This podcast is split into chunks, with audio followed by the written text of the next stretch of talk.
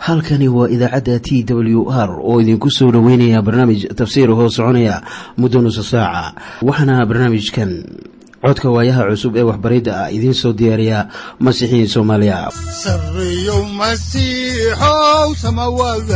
Guudow siraadkii adduunkow subanaha eebow sareyow masiixow samawadaha guudow siraadkii adduunkow subanaha eebow adigoo samada jiro ifkaan soo saldhiganba adigoo samada jiro ifkaan soo saldhiganba kutubtiisanaye udanogu saaciiday sharxin sifahaaga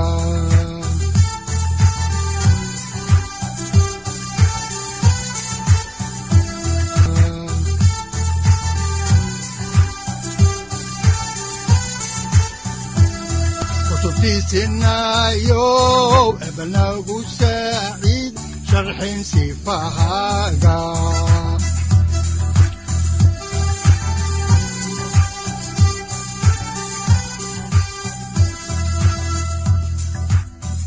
satirow ilaahow adanku su'aalne ku soo dhowaada dhegaystayaal barnaamijkeenna dhammaantiinba. Waxaannu horay u sii ambaqaadi doonnaa daraasaadkii aynu ka soo xiganaynay kitaabka bilowgii ee loogu magacdaray baibalka dhammaantii. Waxaannu caaway idiin bilaabi doonnaa cutubka afartanaad ee kitaabka bilowgii haddaba mawduucyada uu ka kooban yahay cutubkan waxa ay kala yihiin. Kow yuusuf oo riyo u fasiraya kii boqorka khamriga siin jiray iyo kii kibista u dubi jirayba. Labo riyadii yuusuf fasiray oo u dhacday sidii yuusuf u fasiray. Balse inta aynaan idiin bilaabin barnaamijka aynu wada dhegaysanno qhasiidadan soo socota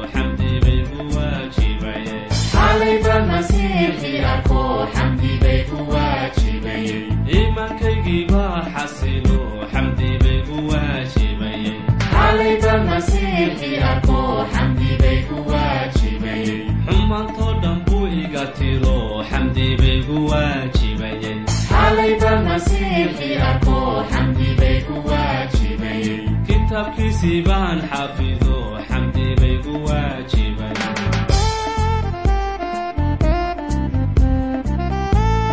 xalaquda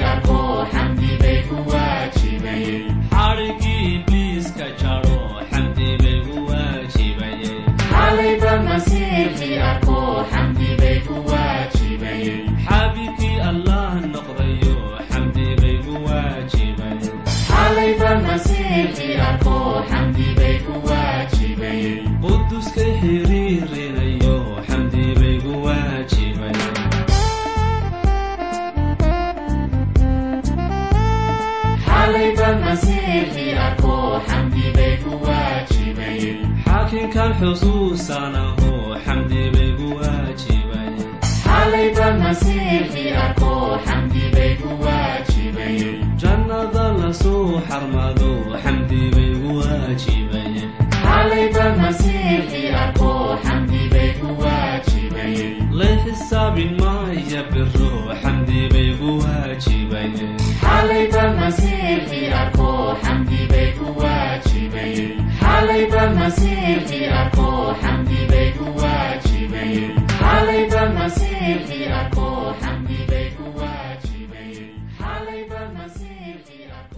waxaannu markii noogu dambaysay soo gunaanadnay cutubka sagaal iyo soddonaad ee kitaabka bilowgii waxaanan kaga hadalnay faalladii ku saabsanayd qisadii yuusuf. Markii ugu dambaysay waxay noo joogtay yuusuf oo xabsi la geliyey. Caawayna waxaan idiin bilaabaynaa cutubka afartanaad oo qisaduna halkii bay ka sii socon doontaa.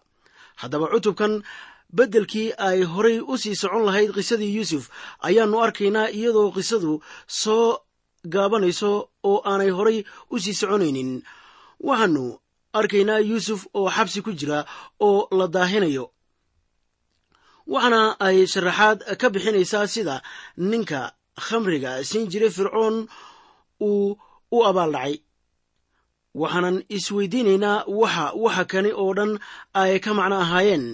Waxaan kugu leeyahay waxyaabahan oo dhan waxa ay kaamilayaan qorshaha iyo danta ilaah ka leeyahay noloshii yuusuf waxaynu arkaynaa tan markaannu cutubkan bilowno. Haddaba waxaa jira siyaabo badan oo noloshii yuusuf ay ku shaabahayso tii masiixa. Lix meelood oo ay iska shaabahaan ayaa waxa ay kala yihiin kow. Yuusuf waxaa loo diray walaalihii ciise masiixna waxaa loo diray walaalihiis iyo idihii lumay ee reer binu israa'iil. Labo yuusuf waxaa nabcaa walaalihii iyadoo ayan jirin wax cudurdaara taasuna waa wixii sayid ciise masiix isku macneeyey markuu lahaa waxay ii nabcaadeen sabab la'aan. Saddex yuusuf waxaa iibiyey walaalihii sayid ciise masiixna waxaa iibiyey mid ka mida walaalihiis. Afar yuusuf waxaa lagu iibiyey labaatan beeso oo lacaga sayid ciise masiixna waxaa lagu iibiyey soddon shaqal oo lacaga shan walaaluhu waxa ay dhigeen shirqool ay ku dilayaan yuusuf ciise walaalihiisna shirqool bay u dhigeen inay dilaan aawadeed. Waxaana qoran wuxuu u yimi kuwiisii kuwiisiina ma ay aqbalin. Lix yuusuf waxaa lagu riday ceel oo loogu tala galay inuu ku dhinto ciise masiixna waa la qodbay. Waxaa kaloo jira meelo badan oo ay iska shaabahayaan haddii si taxadar leh loo eego kitaabka iminkana aynu ka hadalno maaddada ah yuusuf oo fasiraya riyadii kii khamriga boqorka siin jiray iyo kii kibista u dubi jirayba haddaan idiin bilowno cutubka afartanaad ee kitaabka bilowgii aayadaha hal ilaa saddex ayaa waxaa qoran waxyaalahaas kadib kii boqorka masriga ah khamriga siin jiray waa fircoone iyo kii wax u dubi jiray waxa ay xumeeyeen sayidkoodii ahaa boqorkii masar. Fircoonna aad buu ugu cadhaysnaa labadiisii sirkaal oo ahaa kii madaxa u ahaa kuwii khamriga siin jiray iyo kii madaxa u ahaa kuwii wax u dubi jiray. Oo waxa uu iyagii ku xabisay gurigii madaxa waardiyayaasha xagga xabsigii gudihiisii oo ahaa meeshii yuusuf ku xidhnaa waxaa aayadahan ka muuqda naxariis darradii iyo kelitilisnimadii reerkii fircoon iyo sidii ay cadaaladda u marin habaabin jireen ha yeeshee yuusuf meel kasta ee uu aadaba waxaa la arkayey kartidiisa. Waxaa ku qoran kitaabka maamaahyadii cutubka siddeed iyo tobnaad aayadda lix iyo tobnaad oo ka mid a kitaabka axdigii hore baalkiisa siddeed boqol afartan iyo toddoba sida tan. Nin hadiyaddiisu meel bay u bannaysaa oo waxa ay isaga hor keentaa rag waaweyn hubaashiina taasu waa run markaan eegno yuusuf. Ilaahna waa la jiraa noloshiisa iyadoo taasuna ay leedahay dan muuqata. Haddaan halkii ka sii wadno kitaabka bilowgii cutubkiisa afartanaad ayaa waxaa ku qoran aayadda afaraad sida tan. Madaxii waardiyayaashuna yuusuf amar buu u siiyey iyagii wuuna u adeegi jiray iyagii intii wakhti ahna xabsigay ku jireen yuusuf way isbarteen nimankaas waayo isagaa u sarreeyey maxaabiista isagaa shuqul ku lahaa in uu daryeelo iyaga marka ay xabsiga ku jiraan. Haddaan halkaa ka sii anba qaadno xigashada kitaabka ayaa waxaa ku qoran cutubka afartanaad aayadaha shan ilaa lix sidatan kii khamriga siin jiray iyo kii wax u dubi jiray boqorkii masar iyaga oo xabsiga ku xidhnaa ayay labadoodiiba isku habeen riyoodeen nin kasta riyadiisuu ku riyooday oo nin kasta waxa uu ku riyooday sidii riyadiisii fasirkeedu ahaa. Subaxdii baa yuusuf u soo galay oo fiiriyey iyagii oo waxa uu arkay iyagoo calool xun.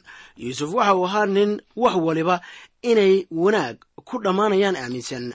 Mar waliba wuu faraxsanaa oo waxa uu ahaa nin waxgarad ah wuxuuna gartay in nimankan la joogay fircoon ay qoomamaysnaayeen maalintaas oo wejigooduna uusan farxad ama reynrayn ka muuqan ama uusan la nuuraynin. Haddaan halkii ka sii wadno qisada kitaabka ayaa waxaa ku qoran cutubka afartanaad aayadaha toddoba ilaa siddeed sida tan. Markaasaa yuusuf wax weydiiyey saraakiishii fircoon oo isaga lagula xabisay guriga sayidkiisa oo waxa uu ku yidhi maxaad maanta ugu egtihiin kuwo calool xun markaasay waxay ku yidhaahdeen isagii riyaannu ku riyoonnay mana jiro mid fasiri karaa markaasaa yuusuf waxa uu ku yidhi iyagii miyaan ilaah fasiro lahayn? Haddaba waan idin baryayaaye bal ii sheega. Haddaan ku soo noqonno xigashada kitaabka ayaa waxaa ku qoran cutubka afartanaad aayadaha sagaal ilaa saddex iyo toban sida tan. Markaasaa madaxii kuwii khamriga keeni jiray riyadiisii yuusuf u sheegay oo waxa uu yidhi riyadaydii waxaan ku arkay geed canaba oo i hor yaal. Geedkuna waxa uu lahaa saddex laamood. Waxayna u ekaayeen sidii iyaga oo magoolaya ubaxyadiina soo baxayaan. Markaasaa rucubyadii waxa ay noqdeen canab bisil. Koobkii fircoonna gacantayduu ku jiray. Markaasaan canabkii guray oo koobkii fircoon ku tuujiyey. Koobkiina waxaan u dhiibay gacantii fircoon. Markaasaa yuusuf ku yidhi fasirkeedii waa tan. Saddexda laamood waa saddex maalmood oo weliba saddex maalmood dabadeed ayaa fircoon madaxaaga kor u qaadi doonaa oo meeshaaduu kugu celin doonaa fircoon koobkiisiina gacantiisaad u dhiibi doontaa sidii waagii hore markaad ahaan jirtay kii khamriga siin jiray. Waa dhab in yuusuf awood u lahaa in uu turjumo riyooyinka oo waxa uu ka ballanqaaday kii khamriga siin jiray boqorka in saddex maalmood gudahood la sii dayn doono. Haddaan dib ugu noqonno kitaabka bilowgii ayaa waxaa ku qoran cutubka afartanaad aayadaha ama saan idhaahdee aayadda afar iyo tobanaad sida tan soo socotaa aayadda afar iyo tobanaad waxay leedahay laakiinse waan ku baryayaaye isoo xusuuso markay kuu hagaagto oo ii roonow oo fircoon ii sheeg oo gurigan iga bixi. Wuxuu yuusuf odhanayaa haatan waad tegaysaa saddex beri gudahood laakiin halkan baan ku jirayaa ilaa qof i caawiyo waxaan kuu fasiray riyadaadii. Tafadal hay iloobin ama saan idhaahdee bilisxanag markaasaa yuusuf oo faalladiisii sii wataa waxa uu ku yidhi kii khamriga siin jiray boqorka sida tan ku qoran cutubka afartanaad aayadaha ama saan idhaahdee aayadda shan iyo tobanaad. Oo leh waayo waxaa layga soo xaday dhulka cibraaniyada oo halkanna kuma aan samayn wax ay iigu ridaan good xabsiga haddaan horay u sii amba qaadno xigashada kitaabka ayaa waxaa ku qoran cutubka afartanaad aayadaha lix iyo toban ilaa toddobiyo toban sida tan.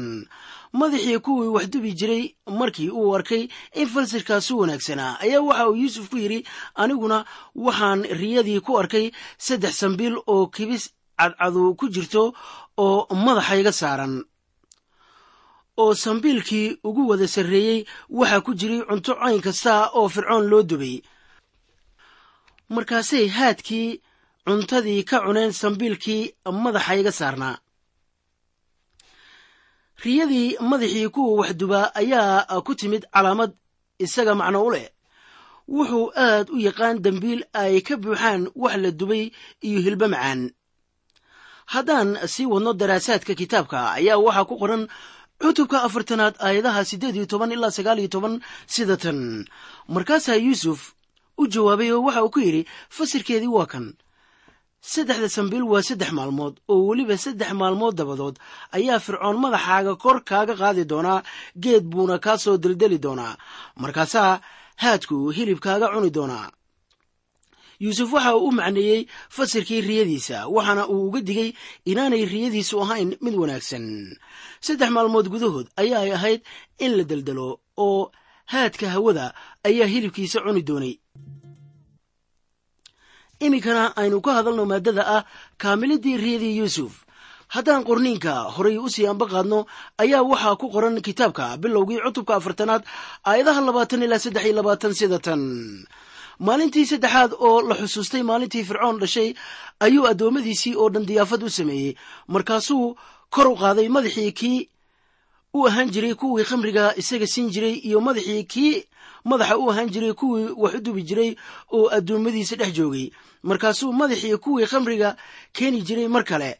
Shaqadiisii ku celiyey oo koobkii buu u dhiibay gacantii fircoon.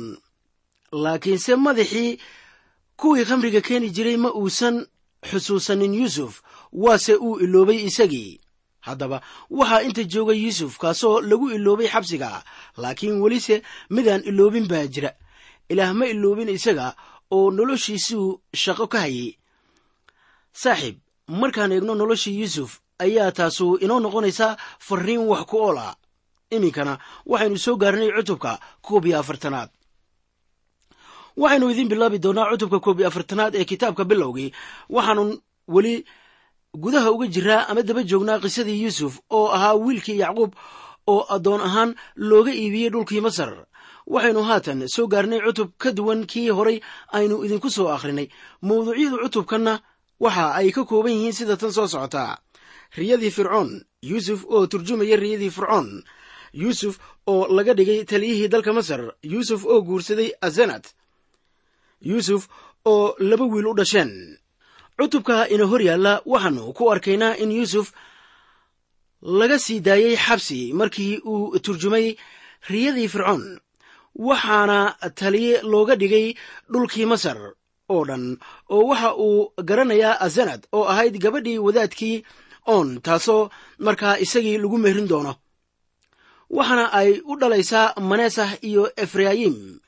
Qisadanu waa qiso ka hadlaysa maskiinnimo taajirnimo dhalaysa. Haddaba garan mayno qiso dad qoreen oo aan dhab ahayn oo ka xiisad iyo xamaasad badan tii noloshii yuusuf cutubka aynu arkayno haatan waxaan hubaal ahaan arkaynaa in gacantii ilaah saaran tahay noloshii yuusuf. Yuusuf waxa uu si weyn u garanayay in gacanta rabbigu saarayd xitaa markii uu ku jiray xiisadihii dhibka badnaa ee aynu idiin soo akhrinay waana ay tanu ka yeeshay in uu la yimaado qaabab noloshiisa saameeyey kuwaasoo ahaa midhaha ruuxa. Mid ka mid a midhaha ruuxa waa dulqaadashada runta ku qoran warqaddii rasuul bawlos u qoray dadka rooma. Cutubka shanaad aayaddiisa saddexaad ee lahayd dhibku waxau dhalaa ama keenaa dulqaadasho ayaa xaqiiqo ahaantii lagu sharaxay noloshii yuusuf. Waxaanan intaa ku arkaynaa wiilka oo la hor keenayo fircoon oo ahaa boqorkii qurumaha isla sida kol dambe loo hor keeni doono daniyel nebukadnesar labadoodaba waxaa la hor keenay boqorradaas in ay riyooyin u fasiraan waxaan dabeeto ku eegi doonnaa abaartii dhacday qaybta dambe ee cutubkan. Maxay ahayd danta ilaah ee taa lagu dhammeeyey ama lagu hirgelinayey? Ilaa waxa uu abaartaas u isticmaalay in uu qoyskii yacquub ka soo saaro dalkii kancaan iyo dembiyadii reer kancaan oo uu keeno dalkii masar. Waxaana ay ahayd in ay degaan dhulka hawdka ah ee qarsoon lana oran jiray goshen. Sidan ayuu ilaah doonayey waxaan hubaa in ilaah lahaa ama watay asbaabo kale oo badan laakiin middan ah in dhulka laga soo saaro ilmihii yacquub ayaa ahayd dan muqaddasa markaan horay ugu sii soconno kitaabka waxaan rajaynayaa inaad weli qorayso hababkii yuusuf uu kala mid ahaa sayid ciise masiix. Isku barbardhiggaas ayaan haddana samayn doonnaa kol dambeeto. Wow wax inoo wanaagsan inaan isku barbardhigga maanka ku haysanno iminkase aynu eegno maaddada ah riyadii fircoon. Waxaad xusuusataa sidaan ka akhrinay cutubka afartanaad in kii kuwa khamriga fircoon siiyaa madaxa u ahaa iyo madaxa kii u ahaa kuwii wax dubi jiray ee ku jiray isku xabsiga oo la xirnaa yuusuf si dhab ah riyadoodii loogu fasiray. Yuusuf si rasmi ah ayaa uu ugu fasiray riyadoodii ninkii madaxa uu ahaa kuwii wax dubi jiray waa la deldelay kii khamriga siin jiray jegadiisii sare ayaa loo qaaday isna. Yuusuf waxa uu ka baryey kii khamriga siin jiray boqorka inuu soo xusuusto. Xaaladihiisa ee ka haysta xabsiga oo uu kala hadlo fircoon laakiin kii khamriga boqorka siin jiray sidaa ma yeelin.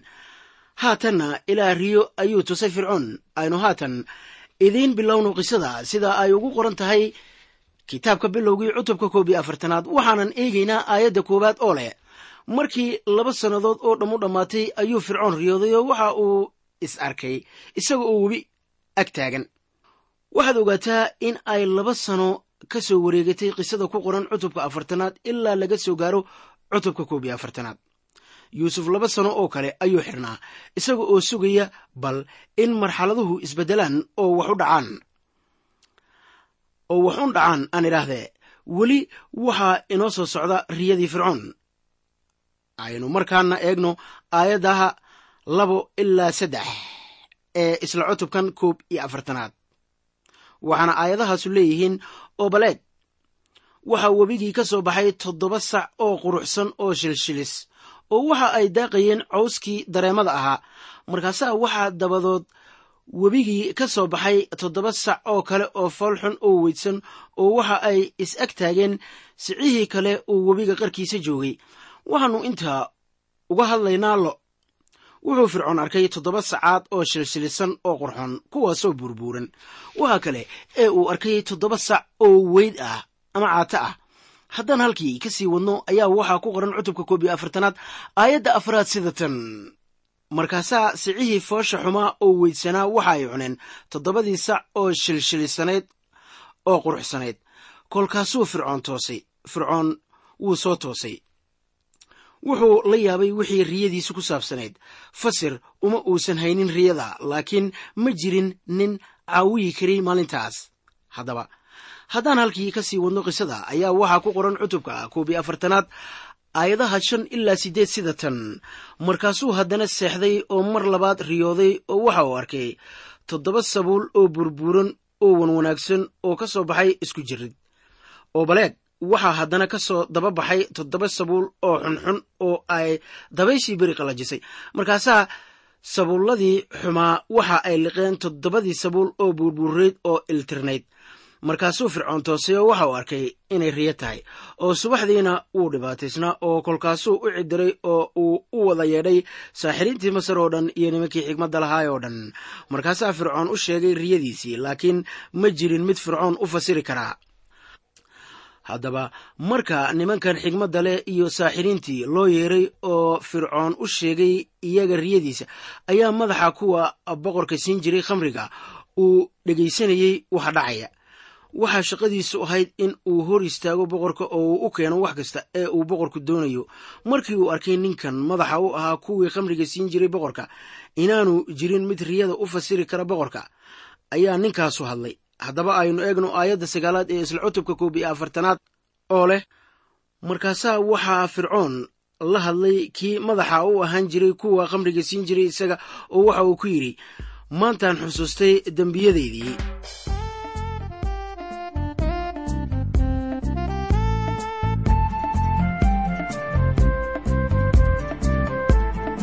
xalayba masiixi arkoo xamdi bay ku waajibayeen xumaantaydii buu dhinto xamdi bay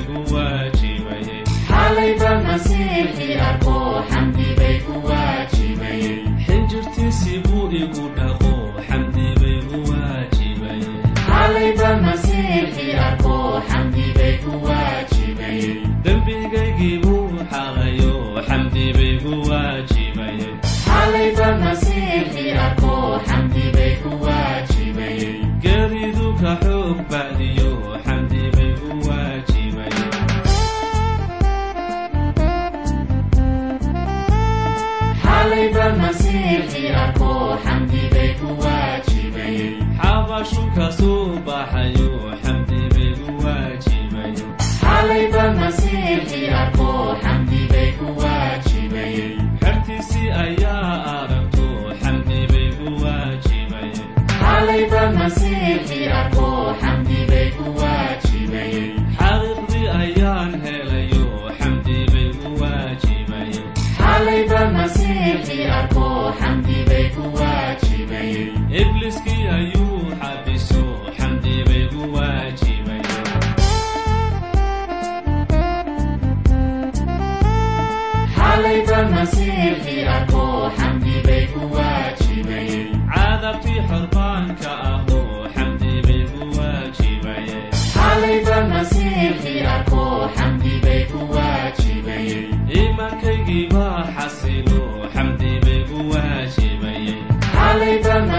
masiixi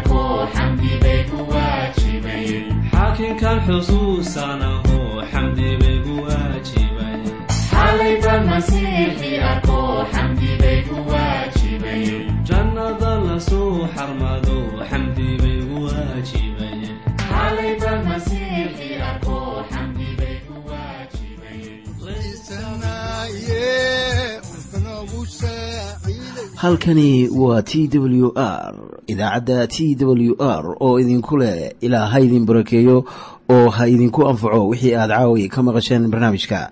Waxaa barnaamijkan oo kalaa maqli doontaan habeen dambe hadahan oo kale haddiise aad doonaysaan in aad fikirkiina ka dhiibataan wixii aad caawi maqasheen ayaad nagala soo xiriiri kartaan som t w r at t w r c o k e dhegaystayaal haddii aad doonaysaan inaad mar kale dhegaysataan barnaamijka fadlan mar kale booqo www t t b o r g ama www t w r o r g halka sare waxaad ku arkaysaa markii aad gasho language ama luuqadda waxaana dooranaysaa soomaali haddii aad doonaysaan in aad dejisataan oo kaydsataan barnaamijka ama aad mar kale dhegaysataan fadlan mar kale booqo www t t b t w r o r g ama www t w r o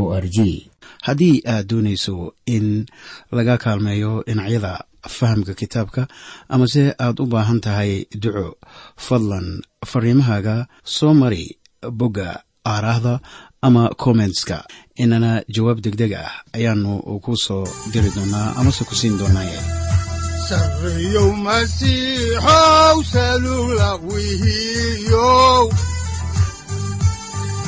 Saacadda timid dhulka sabada ku dhalatiyo